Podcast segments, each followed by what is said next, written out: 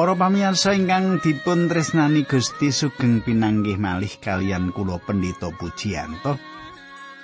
Kula badhe sesarengan kalian panjenengan wonten ing salebetipun adicara margi utami adicara ingkang sampun panjenengan antos-antos. Wonten ing adicara menika panjenengan kula dherekaken sinau kayektosan kayektosan pangandikanipun Gusti lan ugi nderekaken panjenengan nyemak saben kayektosan ingkang dipun pratelakaken kala wau. Pengajeng-ajeng kula wonten ing pasinaon kita menika panjenengan pikantuk berkah kasukman ingkang kathah lan lumantar adicara menika wonten ginanipun kangge gesang panjenengan sugeng midhangetaken adicara menika.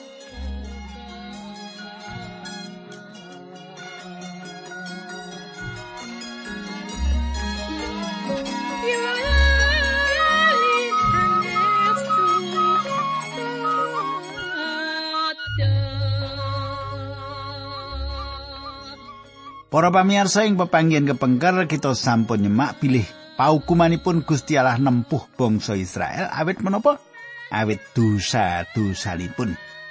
Nah kita pada lajengaken nanging saderengipun menika monggo kita tumungkul kita ndedonga sesarengan. Duh Kanjeng Rama ingkang ade dampar wonten kraton ing kasuwargan kawula ngaturaken gunging panuwun. Dene wekdal menika satunggalipun wekdal ingkang indah. Ing pundi kawula saged sesarengan para pamirsa ingkang ngorong bab kaitosan saking pangandikan paduka. Kawula nyuwun tuntunan paduka linambaran asmanipun Gusti Yesus Kristus kawula tetunggal haleluya amin.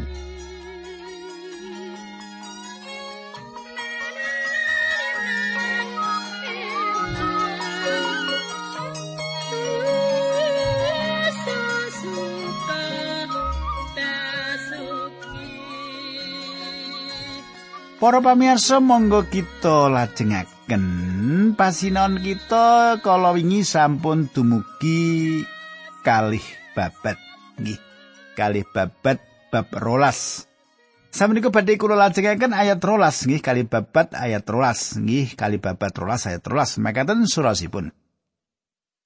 Sarene Sang Prabu wis ngasorake sarirane ana ing ngarsane pangeran mulane dukane Allah banjur lilih lan Rehabiam ora sida ditumpes tanah Yuda pulih becik kaya mauni. Para pamirsa pangandikan menika meratelaken sih kadarmanipun Gusti Allah ingkang ngedapi-dapi.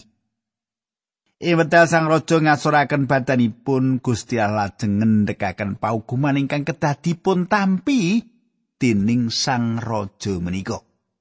Menika ugi dados wucalan kita menawi panjenengan samenika tebih kalian Allah kathah dosa ingkang panjenengan tindakaken lan panjenengan samenika nampi matumpo-tumpo kasangsaran lan panjenengan purun mratobat pramila paukuman ingkang panjenengan tampi menika badhe dipun ndekaken dening Gusti lan Gusti badhe mulihaken kesang panjenengan. Apa ora indah kadang kula? Awit saking menika aja ngabdi karo dosa lah, ngabdi kali kayetosan.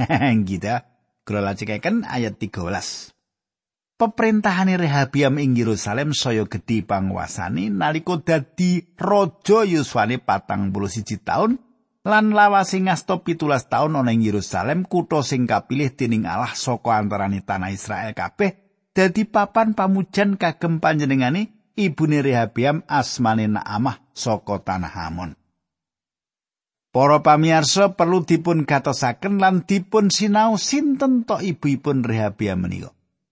Panjenenganipun pilih Daud nate memitran kalian Bani Amon, sinaosa Daud lan Bani Amon nate perangan.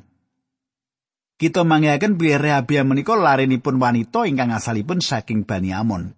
Sampun tentu ibu menika nderek mangun watek wantu Rehabiam kados ingkang kita semak ing salebetipun kitab para raja Gusti Allah tansah nyebataken nami ibu saking satunggalipun tiang. Menawi lari menika sae ibu menika nampani pangalembono menawi ibu menika gadah watek awon lan raja awon ugi anake awon neh. Pramila ibu menika badhe ngraosaken wirang. Pramila saking menika para ibu nggih kalih putra-putra nggih dipun didik dipun gulawenthah ingkang sae nggih panjenengan dadi conto sing apik nek anak panjenengan mangke dadi wong gedhe panjenengan sing dialembono ning nek patrap anak panjenengan kurang ajar panjenengan sing wirang. kita. Nah, kita lajengaken ayat 14 15 16. Rehabiam nglakoni kang ala merga ora ngudi nindakake kersane Allah.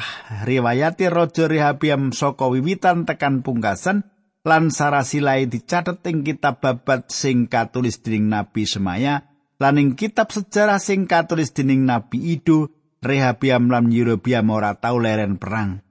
Rehabiam sedo lan kasareake ing pasareane para raja ing kutane Daud, Abia putrane ngenteni dadi raja. Para pamirsa, Samenika pasiran kita lumebet kalih babat 13 kita wiwit saking ayat 3 lan 6.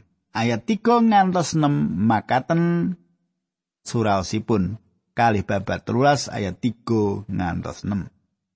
Prajurit Abia patang atus ewu wong, Yerobiam wolong atus ewu wong. Pasukan loro mau padha adu arep ana ing pegunungan Efraim, Abia munggah ing gunung Semaraim serta nguwuh marang Yerobiam lan wong Israel. Rungokno Kowe padha ngerti yen pangeran Allah Israel wis janji karo Daud yen saturun-turune bakal ngraton Israel ing selawas-lawase. Janji mau ora kena dibatalake wa semono Yerobeam ben nebat meruntak marang Sulaiman rajani.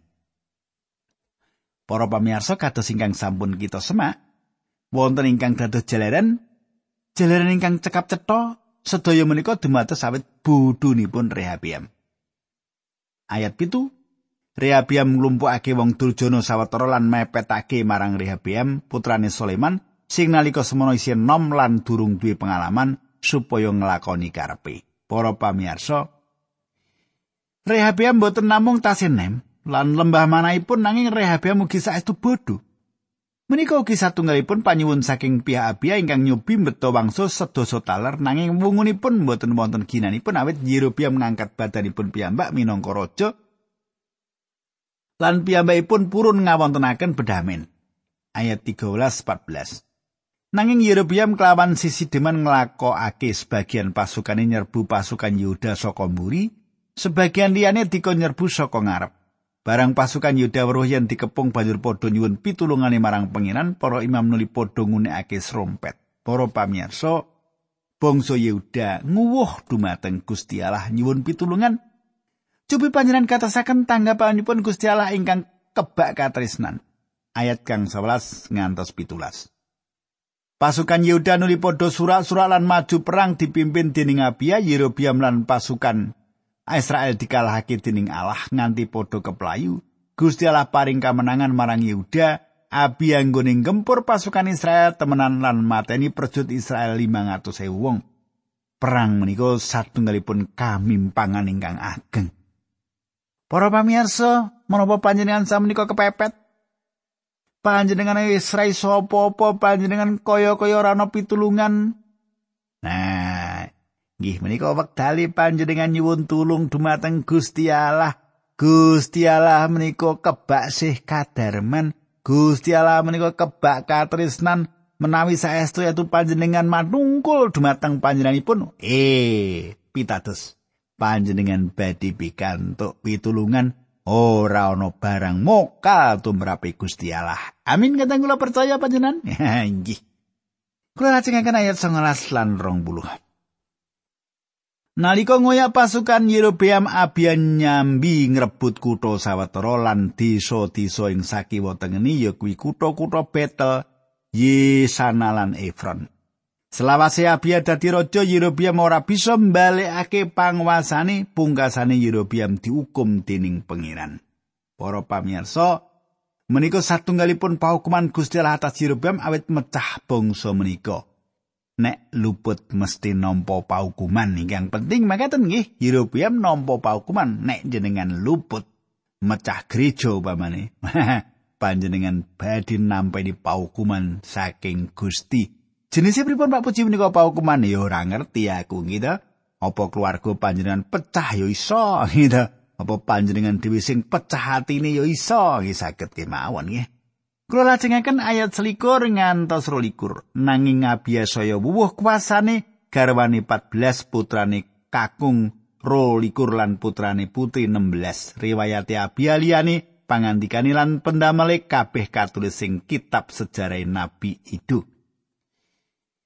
Nah, para pamirsa, biasane satunggal raja ingkang ageng nanging sasampunipun piyambakipun larinipun badhe mimpin kebangunan rohani ingkang kawitan salajengipun kita mlebet kalih babat kawan belas. Nggih.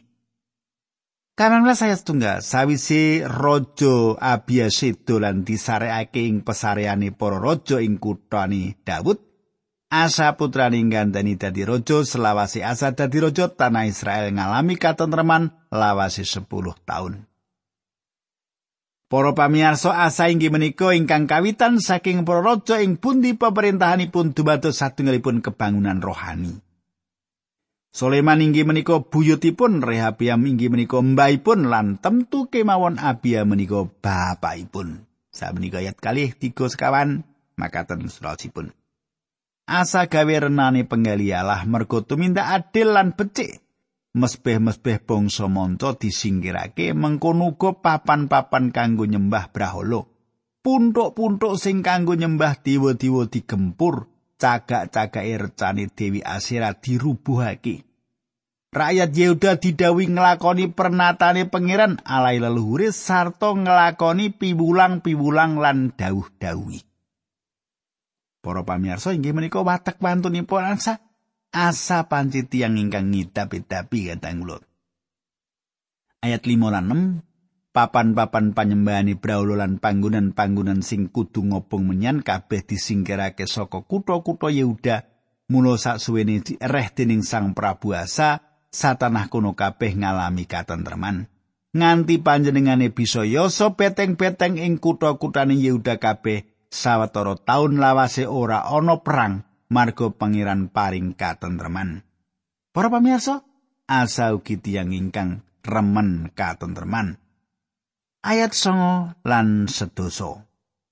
Kecerita wong Sudan ngluruk nyerang Yehuda nggawa pasukan cacahe sak yuta lan kereta perang telung atus nggone nyerbu tekan Maresa. Asa banjur metoni perang ngadepi sirah lorone padha nata barisane ing lebak Sebata sak cedhake Maresa. Para pamirsa, asam boten namung tiang ingkang remen katentreman lan karukunan, piyambakipun ugi tiang ingkang remen ndedonga. Kita gadah gambaran sawetawis gesang pribadinipun Sang Raja menika lan patrap gesangipun panci pantes dipun alembono. Para pamirsa, menawa panjenengan ugi kalebet tiang ingkang ka alembono awit panjenengan niku seneng katentreman gitu. Neng endi-endi ora gawe rusuh gitu. Ora gawe padu. Panjenengan ugi remen rukun kali sinten mawon gitu? Lan ingkang penting malih ingkang perlu dipun tuladani menapa panjenengan ugi seneng ndedonga nggih? Ndongake Pak Puji ah gitu? Ndongake jemaat ah ndongake Pak Pendito ah gitu? Menapa panjenengan kalebet yang ingkang kados mangkaten kateng kula? Nah kita lajengaken ayat 11 Asa banjur ndedonga marang pangeran alai, duh pangeran. Namung patuko ingkang saged paring pitulungan dhateng tiang saking ingkang nglawan tiang rasa. Mugi samenika kersa mitulungi dhateng kawula duh pangeran Allah kawula. Kawula namung pitados dhateng patuko lan atas asma patuko kawula sami majeng perang nglawan pasukan ingkang ageng sanget menika. Duh pangeran patuko menika Allah kawula sampun ngantos marengaken manungsa ngawonaken patuko. Ayat 12. Asalan tentara Yehuda banjur nyerang tentara Sudan. Pangeran nuli nyerang tentara Sudan nganti padha keplayu. Para pamirsa, lelampahan menika satunggalipun donga nggih, satunggal-tunggalipun donga ingkang nyata ingkang dipun tindakaken tining Sang Raja menika. Asa menika satunggalipun donga ingkang nyata.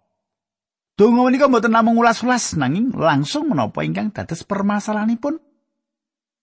Ora mubeng-mubeng dongani. Piyambakipun sanjang menapa ingkang dipun kajengaken asa inggih menika tiang ingkang donganipun ngedapi-dapi kebangunan rohani nguwaosi bangsa menika awit asa panjer raja ingkang kados mangkaten menika. Ayat kang 11 uga kemah-kemah wong-wong sing ngingu raja kaya diserang lan raja kaya rupa wedhus gembelan onta sing dirampas akeh banget sawise mengkono banjur padha mulih menyang Yerusalem. Para pamirsa.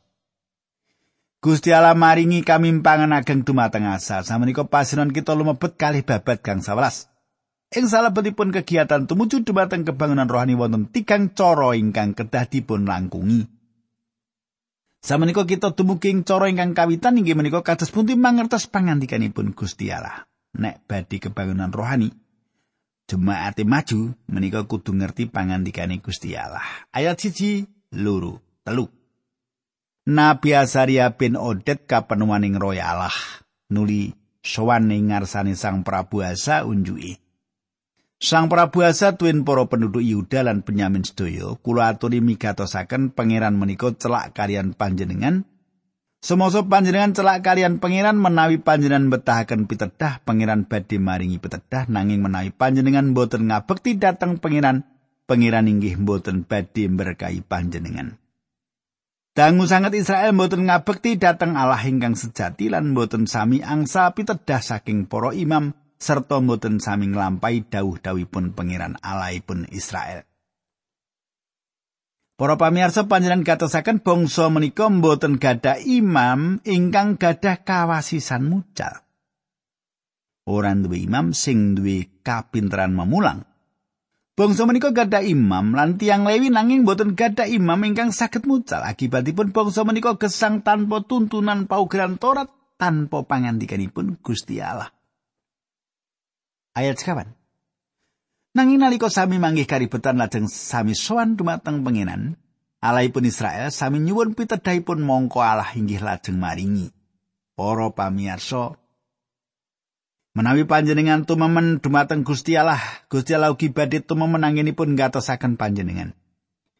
Kulo mireng tiang sanjang, oh aku mbudidaya sinau. Aku mbudidaya ndedonga. Aku mbudidaya nindakake perkara iki nanging aku ora bisa maju. Menapa panjenengan mangertos sing medal panjenengan sanjang ingkang kados makaten menika? Panjenengan adamel Gusti Allah menika kados dene tiyang ingkang apus-apus. Kulo gadah pawartos kangge panjenengan Gusti Allah sanes kados dene tiyang ingkang apus-apus. Gusti Allah ngendika menawa kowe golek ingsun aku bisa kok temoni. Menawi panjenengan tu memenangkan panjenengan sesambetan kan Gusti Allah pramila Gusti ugi tememen kekayutan kalian panjenengan. Dados panjenengan wawas manah panjenengan menawi panjenengan ngersakaken saestu-estu mangertos pangandikanipun Gusti Allah. Milo Gusti Allah kersa manggihi panjenengan kapan kemawon panjenengan sowan. Samenika ayat gangsa 67. Kali babat gangsa 11 5 67. Nalika semanten tiang boten saged kekesan kalian tentrem merking saben negari wonten resah. Bangsa sami bangsa memengsahan lan negari sami negari sami gentos nindes mergi Allah ndatengaken resah dateng bangsa-bangsa wau. Nanging panjenengan sami kula aturi sami gagah lan kendel awit dene kangilan panjenengan tantu badhe angsal ganjaran. Para pamirsa, Asa wiwit mertobat dumateng Gusti Allah. Nabi Asaria nyurung nindakaken perkawis menika lan nabi menika nyetakaken kenging menapa bangsa menika nglampahi kangelan lan gadah kathah masalah. Kula kinten dawuh menika wonten sambung rapatipun kalian kita ingkang kesanging jaman samenika kula matur alandasan pasinan kula atas pangandikanipun Gusti Allah lan ningali kados pundi Gusti Allah cawe-cawe atas bangsa menika. Kadah tiang gadah anggapan pilih tiang menika mboten betahaken Gusti Allah awit tiang menika gadah tiang-tiang pinter. Panjenengan kedah mangertos pilih ing wekdal menika ing pundi panjenengan kesang bangsa kita betahaken Gusti Allah. Ayat 8 lan 9. Nalika mireng pangandikane Nabi Asaria bin Odet mau raja satuwuh semangate. Sakaing berhala ing Yehuda lan Benyamin banjur disingkirake semono sing ana ing kutha-kutha pegunungan Efraim sing wis ditelokake mesbe pangeran sing ana ing platarane pedalemane Allah ya nulin didandani. Akeh wong Efraim Manase lan Simeon padha gabung melu raja Asa lan manggon ing wilayah Yehuda. Mergo padha weruh yen pangeran mitulungi marang raja Asa. Wong-wong mau diklumpukake dening raja Asa bebarengan kan rakyat Yehuda lan rakyat Benyamin ana ing Yerusalem. Para pamirsa Gusti Allah tansah ngatosaken tiang-tiang ingkang mertobat dumateng panjenenganipun. Ayat sedasa sewelas lan rolas ing sasi ketelu taun ping limolase asa dadi rojo.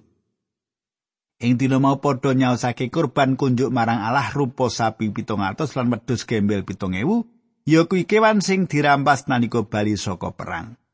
Ana ing kono padha janji marang pangeran yen bakal padha nyembah marang panjenengani alai leluhure kelawan gumolong ing ati lan nyawani.